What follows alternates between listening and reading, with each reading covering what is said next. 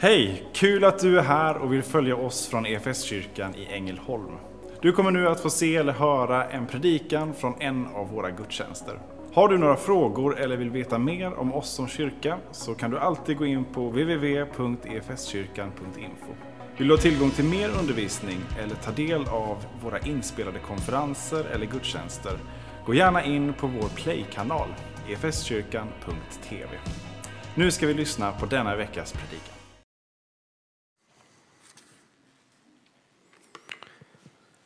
Låt oss be. Tack himmelske Fader för att du har givit oss den klara uppenbarelsen av vem du är och vad din vilja är i Jesus Kristus. Det levande ordet. Jag ber att när vi nu ser på honom, vi ser på frukten av hans liv, hans död, hans uppståndelse, att du öppnar det för oss med din heliga ande. Att du visar för oss vad det är du vill säga till oss, vad det är du vill ge oss, vad det är du vill leda oss i. I Jesu Kristi namn. Amen.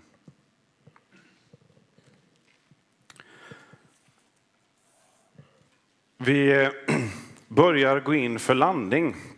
Vi har haft eh, en serie som eh, har pågått nu i sju veckor om Filipperbrevet. Nästa söndag så har vi den avslutande åttonde eh, gången. Vi har fått läsa oss igenom eh, hela Filipperbrevet, glädjens brev. Och också idag så talar Paulus om glädje, än en gång. Gång efter gång får vi höra honom. Och han skriver det här när han sitter i fängelse. Och han skriver det som en lärjunge till Jesus som efter att själv ha förföljt, låtit tortera och också låtit döda kristna så har han själv blivit en kristen. Och han har själv fått utstå förföljelse, tortyr och blivit utsatt för avrättningsförsök genom stening. Nu så sitter han fängslad ännu en gång och så skriver han glädjens brev. Vi läser ifrån kapitel 4, vers 1 och framåt. Stå därför fasta i Herren, mina älskade och efterlängtade bröder, min glädje och min krona, mina älskade. Jag uppmanar Evodia och uppmanar Syntyke att vara eniga i Herren. Ja, även dig, trofaste medarbetare, ber jag, hjälp dessa kvinnor som har kämpat med mig i evangeliets tjänst, tillsammans med Clemens och mina andra medarbetare som har sina namn i Livets bok. Gläd er alltid i Herren. Än en gång säger jag er, gläd er. Låt alla människor se hur vänliga ni är. Herren är nära. Bekymra er inte för något, utan låt Gud få veta alla era önskningar genom bön och åkallan med tacksägelse. Då ska Guds frid, som övergår allt förstånd, bevara era hjärtan och era tankar i Kristus Jesus.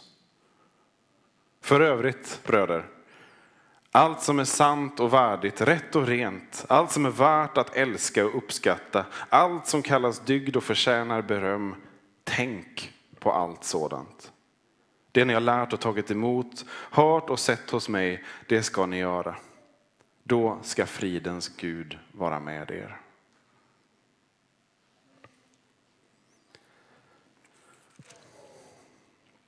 Stå därför fasta inleder Paulus det här kapitlet och det är då en direkt fortsättning på det som vi hörde förra veckan.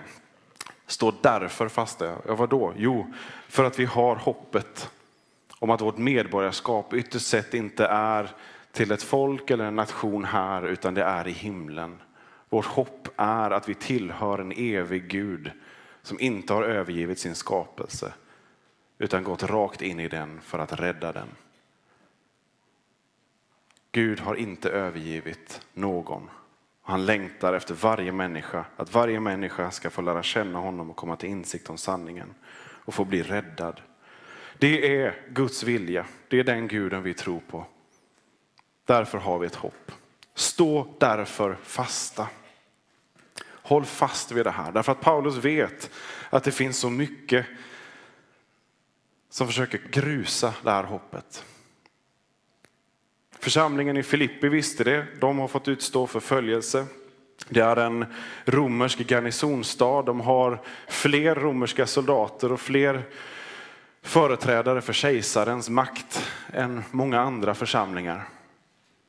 En kejsare som inte delar makt och ära eller ens gudomlighet med någon annan utan förväntar sig att man böjer sig.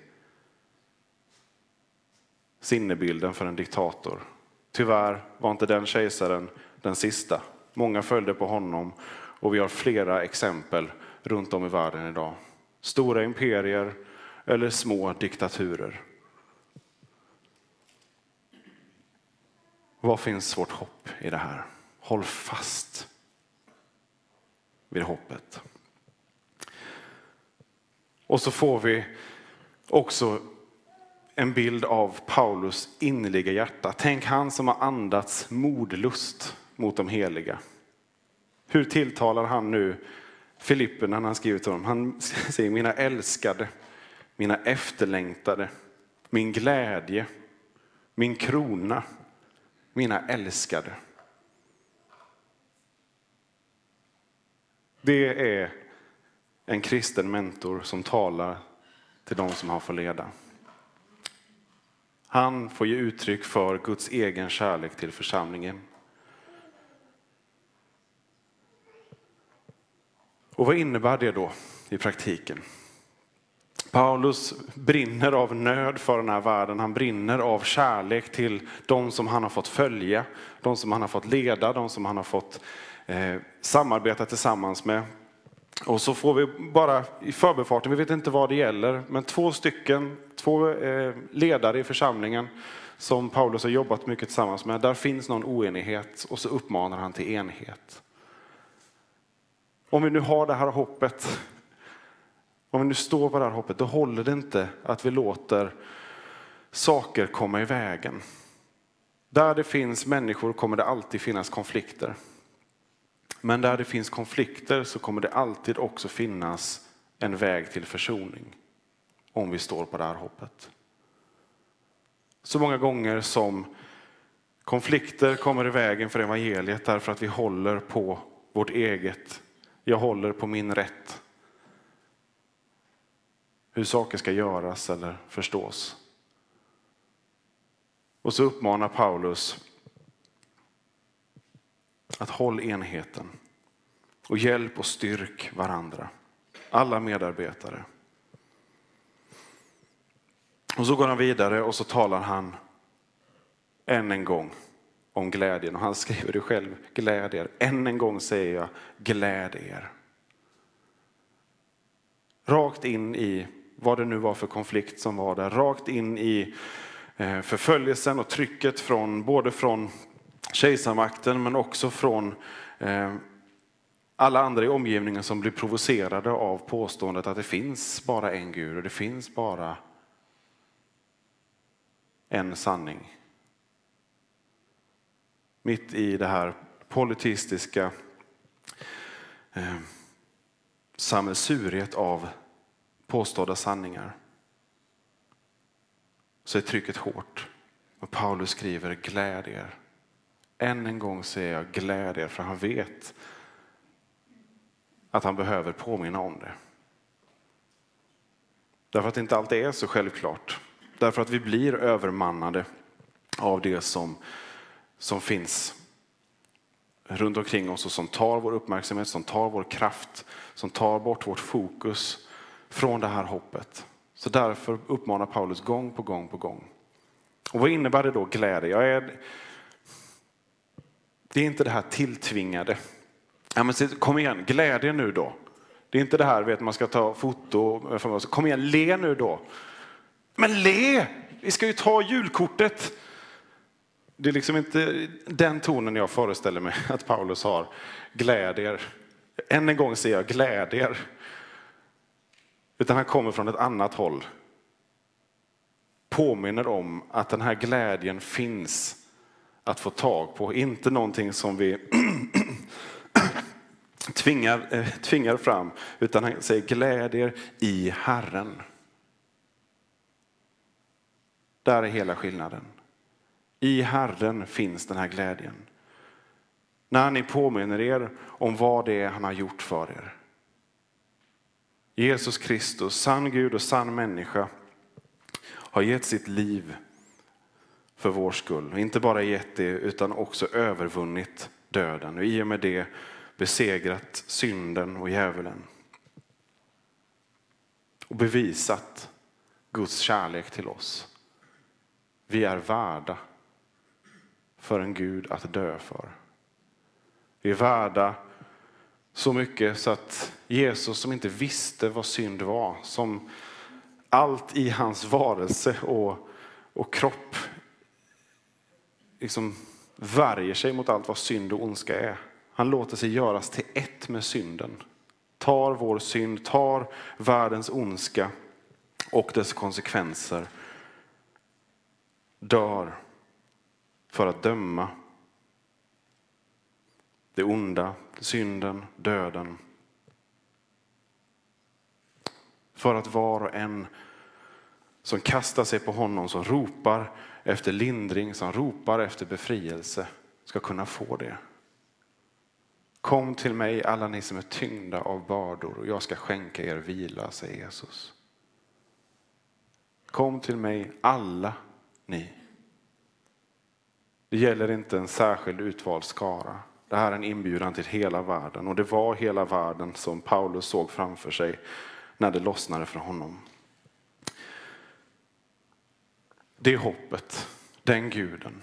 En Gud som talar om sig själv som far och som talar om de troende som hans barn. Vi får ha vår identitet, vår grund, vår självbild i det att vi är Guds barn. Oavsett vad som händer, oavsett vad jag själv ställer till med, så är jag älskad av honom. Har man gått i kyrkan en stund och hört det här några gånger så blir man kanske hemmablind för det. Men förstår ni det oerhörda i att påstå, det påstående vi tror på en Gud som ser på oss som sina barn.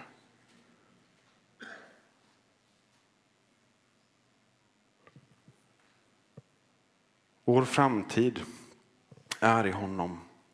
Och då finns det all anledning att glädja sig.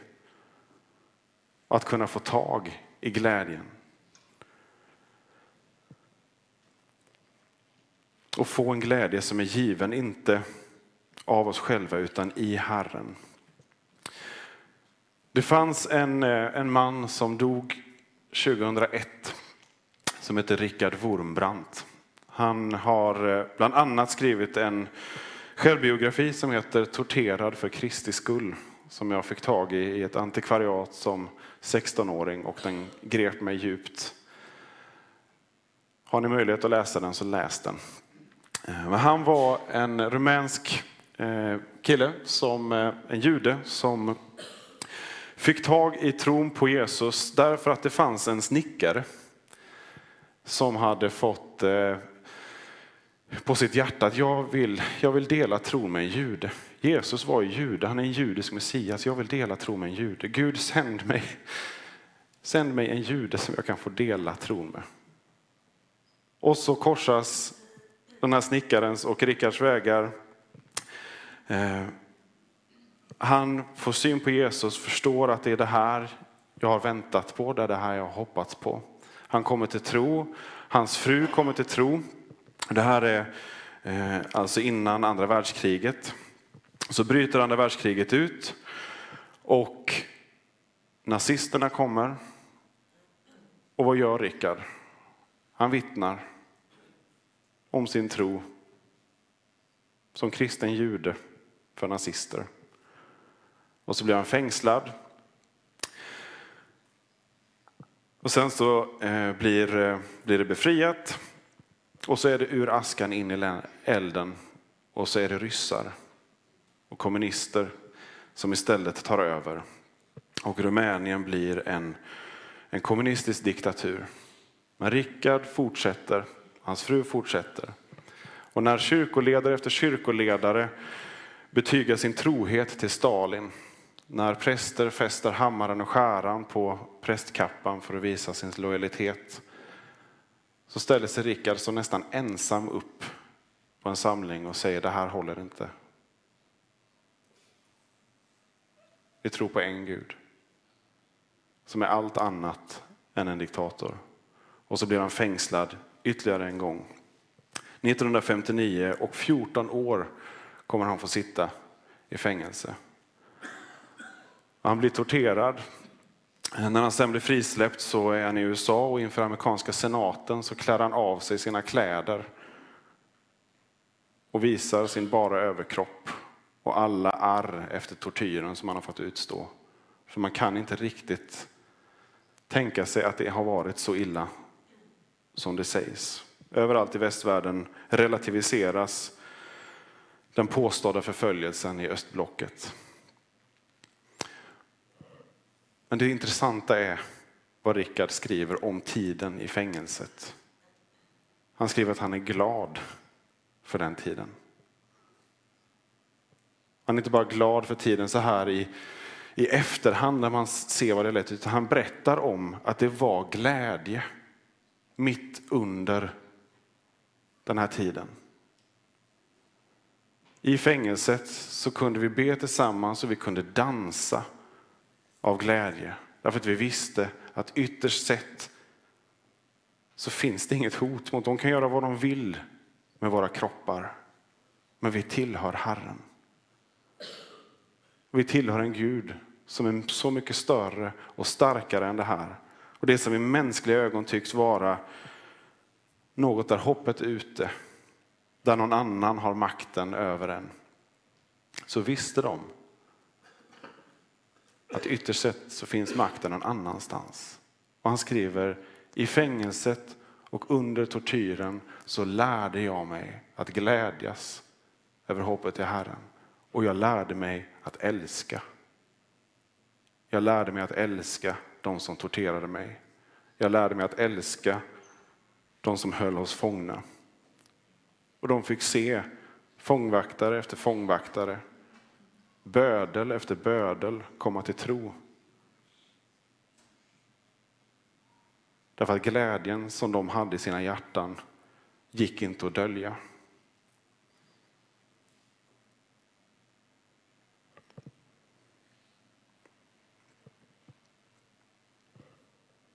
Den glädjen kommer alltid att kunna övervinna hatet. Den glädjen som är okränkbar. Att vi tillhör Herren. Vad vi än utsätts för, vad vi än har för omständigheter. Så håll fast vid det hoppet. Stå fasta. Och så säger Paulus, bekymra er inte. Eller ängslas inte, kan det också översättas. Paulus och Rickard vet precis vad de talar om. När människor som har suttit i fängelse, som har torterats, kan ge den uppmaningen. Gläd er, bekymra er inte. Då finns det en annan tyngd i det än när jag säger det. Eller någon självhjälpsguru. De vet att det finns någonting som bär genom allt. Låt Gud veta allting. Där finns nyckeln. Bekymra er inte utan låt Gud veta allt. Genom bön, genom åkallan och tacksägelse. Bönen, den allmänna bönen, att vända sig till Herren, att uttrycka precis vad som finns eh, i oss och på vårt hjärta. Men också att be eh, för att påminna oss om vem han är. Be ut sanningar om vem, vem Gud är. Att han är trofast, att han inte överger sitt folk. Att hjälpen finns hos honom. Men också med åkallan, alltså att, att be och begära jag begär från dig här att du griper in i det här som är nu. Gud uppmanar oss på så många ställen att gå in i, i en begärande bön, att be honom om hjälp, och att be honom att gripa in. Och så be med tacksägelse. Därför att vi behöver påminna oss om att allt egentligen är oss givet. Vi har allt vad vi någonsin kan behöva. Vår tillhörighet till honom är grunden för ett helt annat sätt att möta det här livet än vad den här världen ger oss. Och vad leder det här till? Då ska Guds frid uppfylla er. Guds frid. Inte bara ett, ett allmänt lugn eller välbefinnande, frid i allmänhet, utan Guds frid som övergår allt förstånd. Det här är alltså inte någonting mänskligt, psykologiskt, utan det är någonting övernaturligt som blir oss givet när vi vänder oss till Herren och när vi kastar allting på honom. Guds frid, shalom på hebreiska, står för det som är helt och rätt, fullkomligt. Guds frid är en sån frid som gör att det som är splittrat, det blir sammanfogat igen. Det som är sårat, det blir helat. Det som är brutet, det blir försonat. Det övergår vårt förstånd och det ger ett beskydd för våra tankar och för vårt hjärta. Hur många gånger känns inte tankarna helt eh, attackerade av allting som vi måste ta oss an? Allting som jag har i min egen lilla bubbla för att hantera vardagen, familjen, eh, arbete. Eh, och så till det kommer resten av världen. Det är inte konstigt att vi känner oss övermannade. Och mitt i det här ska jag ta goda beslut. Och mitt hjärta blir bevarat. Vi behöver Guds frid som beskydd, som väktare för vårt hjärta och för våra tankar.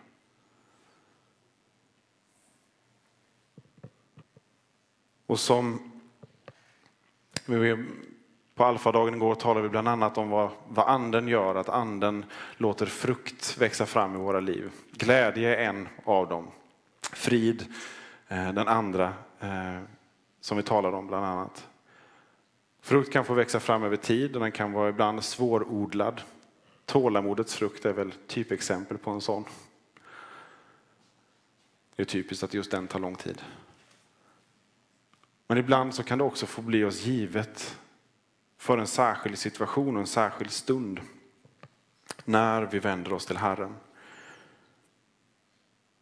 För, eh, ja, vad blir det, 15 år sedan ungefär drygt, så eh, skulle jag ner till Israel och eh, volontära i en organisation där som är ute på gator och bostadsområden och delar den kristna tron med judar och med araber. Och jag hade anmält mig långt innan och allting var klart. Tre dagar innan vi skulle åka ner så slog jag upp Göteborgs-Posten hemma och eh, den stora rubriken på framsidan är krig i Israel och man ser stridsvagnarna som har rullat ut. Så då är andra Libanonkriget igång. Och jag drabbas av oerhörd rädsla och någon form av dödsfruktan verkligen som, som kommer. Det är ju hit jag ska. Och så eh, är ju mina föräldrar snabbt överens om att det blir inget av det här. 19 år gammal på sommarlovet. Och så känner jag någonstans, men jag, jag är inte säker på att det inte ska bli av. Och så går jag ner till mitt rum eh, och så ber jag och det är en, en kort och desperat bön. Men Gud, om, om det ändå är så att jag ska åka ner trots att inget, inget mänskligt förnuftigt pekar på det här så ber jag att du visar det på något sätt. Och det som händer i den stunden är att all rädsla försvann. Det fanns inte ett spår av rädsla kvar och istället en djup, djup frid som sänkte sig. som jag inte kunde förklara på något annat sätt än Guds ingripande och att han gav mig en övernaturlig frid. Jag gick upp till köket och upptäckte att mina föräldrar hade inte fått del av den friden. Jag förklarade att jag måste åka. De sa nej, jag sa jag är 19, jag är myndig. Eh, och så åkte jag ändå. Inte ett allmänt gott råd att gå emot sina föräldrars vilja, men de landade ändå någonstans i det. Eh, och eh, sen var jag där tre veckor och vi fick möta människor i en otroligt speciell situation. Där det råder krigstillstånd och det påverkar såklart hela befolkningen. Oerhört spänt i framförallt de områdena där eh, judar och araber bor grannar med varandra. Men det var otroliga möten som vi fick. Och vi kom som kristna från olika delar av världen uppmanade av våra teamledare till enorm ödmjukhet. Dela bara er tro och erfarenhet av vad Gud har gjort i era liv och lita på att han leder resten. Och vi hamnade i omöjliga situationer som återigen borde ha fyllt oss med, med rädsla. Vi fick besöka ett, ett tältläger vid Gazas gräns, eh, ett antal soldater som precis hade varit inne och tjänstgjort.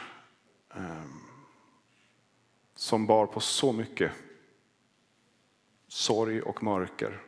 Mänskligt sett omöjligt att möta. Också där en frid som infann sig som övergår allt förstånd. Vi stod på eh, strandpromenaden i Tel Aviv och vår teamledare predikade i megafon och några av oss stod omkring och bad. Helt plötsligt kommer en man och drar en pistol och riktar mot Jakob som predikar och säger du måste sluta prata om Jesus. Han verkar påtänd och påverkad. Också där borde ha drabbats av en otrolig rädsla. Men i den stunden så kommer en djup frid. En känsla som säger det här kommer gå bra. Jag är större än det här. Oavsett vad som händer. Och det gick bra. Det blev ett samtal. Jakob slutade predika, pratade med honom istället och sen så drog han sig undan.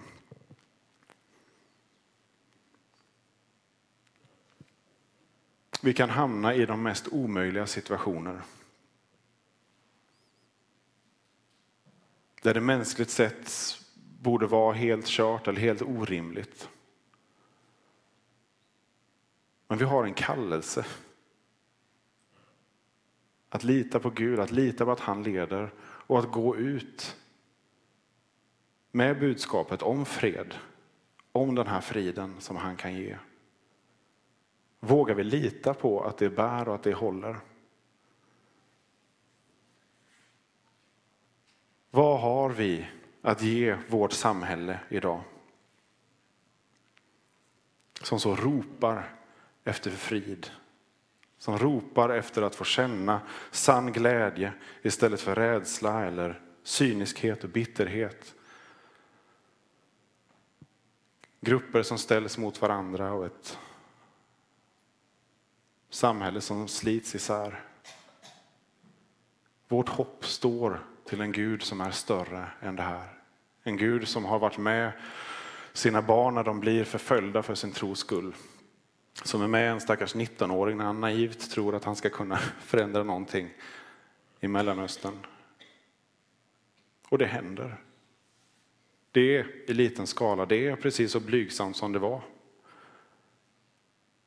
Men det är så Gud jobbar.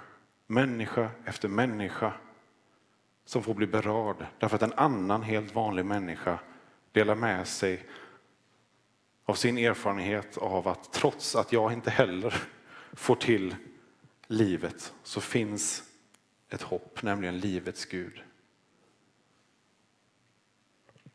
Ett möte med honom kan sätta livet i en helt annan riktning. Från hopplöshet till hopp, från död till liv.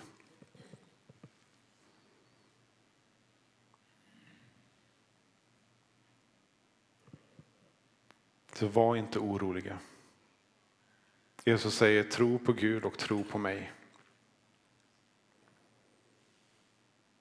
Vi har så många vittnesbörd om vad Gud har gjort genom historien, så låt oss då hålla fast vid det.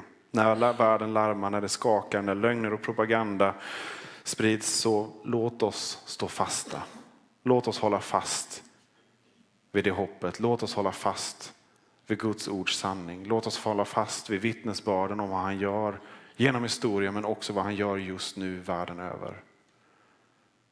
Människor, människa efter människa, som får sitt liv förändrat och som väljer då att gå från dödens väg till livets väg. Väldigt konkret. Därför att en sån tid som vi är i nu är en sån tid som kyrkan alltid har verkat i. Alltid har blomstrat i. Därför att glädjen och friden finns inte i den här världens förutsättningar. Glädjen och friden finns hos Gud. Och finner vi honom så finner vi också skydd för våra tankar och för våra hjärtan. Så låt oss ta fasta på det hoppet. Låt oss ta fasta på det skyddet och överlämna allt vad vi har och särskilt nu också vår synd och det som vi vet att vi har gjort fel och det vi inte vet att vi har gjort fel. Allt känner han till, inget är ett hot för honom. Så låt oss be och bekänna. Som kyrka är det en glädje att få spela en liten roll av allt Gud gör i och genom ditt liv. Vi vill gärna fortsätta följa dig på den resan. Och vill du ta reda på vad ditt nästa steg kan vara på din resa med Gud så gå in på efskyrkan.info nästa steg. Vår längtan är att få se människor och samhällen förvandlade av Jesus. Genom en kyrka som återspeglar Guds hjärta, bär varandra och betjänar människor varhelst vi befinner oss varje dag.